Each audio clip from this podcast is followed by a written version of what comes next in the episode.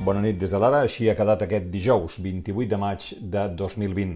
Els treballadors de Nissan han començat a cremar pneumàtics a la porta de la factoria de la zona franca, així que ha arribat la notícia des del Japó que la companyia tancarà les plantes de producció a Catalunya al mes de desembre.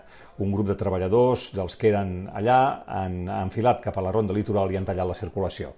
Nissan dona feina a Catalunya a més de 3.300 persones i té plantes a la zona franca, a Montcada i Reixac i a Sant Andreu de la Barca.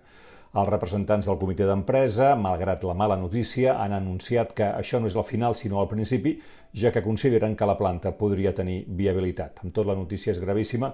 El pes de Nissan a Catalunya s'explica eh, dient que ella sola representa l'1,3% del PIB i el 2,6% de l'ocupació.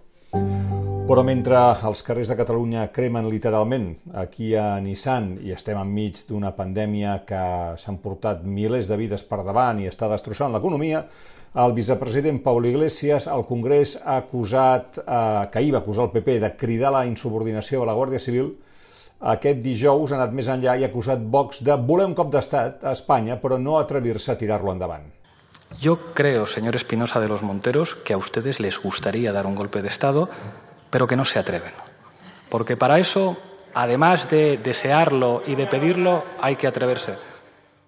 La proposta d'avenç en el desconfinament que la Conselleria de Salut traslladarà al govern espanyol eh, demà manté finalment l'àrea de Lleida a la fase 1. En aquesta zona s'hi ha detectat un augment de casos que es vincula en part a l'activitat en escorxadors i a la celebració d'una festa d'aniversari amb una vintena de contagis. A Fons de Salut Pública consultades a l'ara atribuïen l'increment de casos detectat a Ponent a l'augment de capacitat diagnòstica que permet detectar cadenes de transmissió que ja portaven setmanes actives en poblacions com Balaguer, Cervera, Mollerussa, Tàrrega i sobretot la ciutat de Lleida. La Conselleria sí que ha plantejat el pas a la fase 2 de la Catalunya central, Girona i les àrees bàsiques del Garraf i del Penedès de cara a dilluns que ve i la unificació de la ciutat de Barcelona i les àrees metropolitanes nord i sud. Avui hem entrevistat el president de Creu Roja Catalunya, Josep Quitet. Fins a l'esclat de la pandèmia, Creu Roja tenia al voltant de 400.000 persones, de les quals 100.000 requerien ajudes de primera necessitat.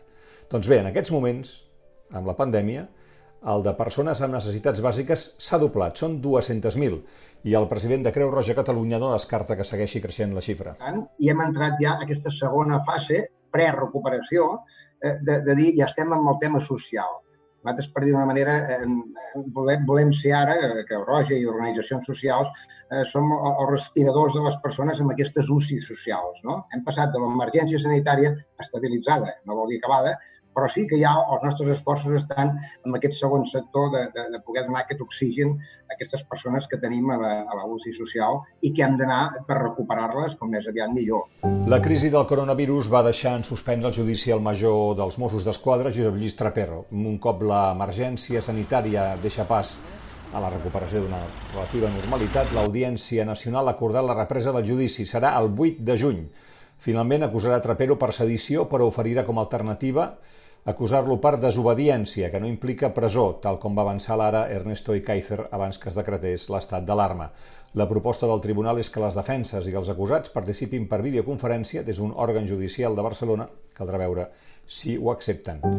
En un comunicat conjunt, i entrem ara a la pàgina internacional, els caps de la diplomàcia dels Estats Units, el Regne Unit, Canadà, Austràlia i França alerten la Xina del perill que per la llibertat i la prosperitat de Hong Kong suposa l'aprovació d'una nova llei de seguretat sobre l'excolònia britànica que mina al principi d'un país dos sistemes que impera des del 1997 quan Londres va retornar sobirania xinesa a la ciutat.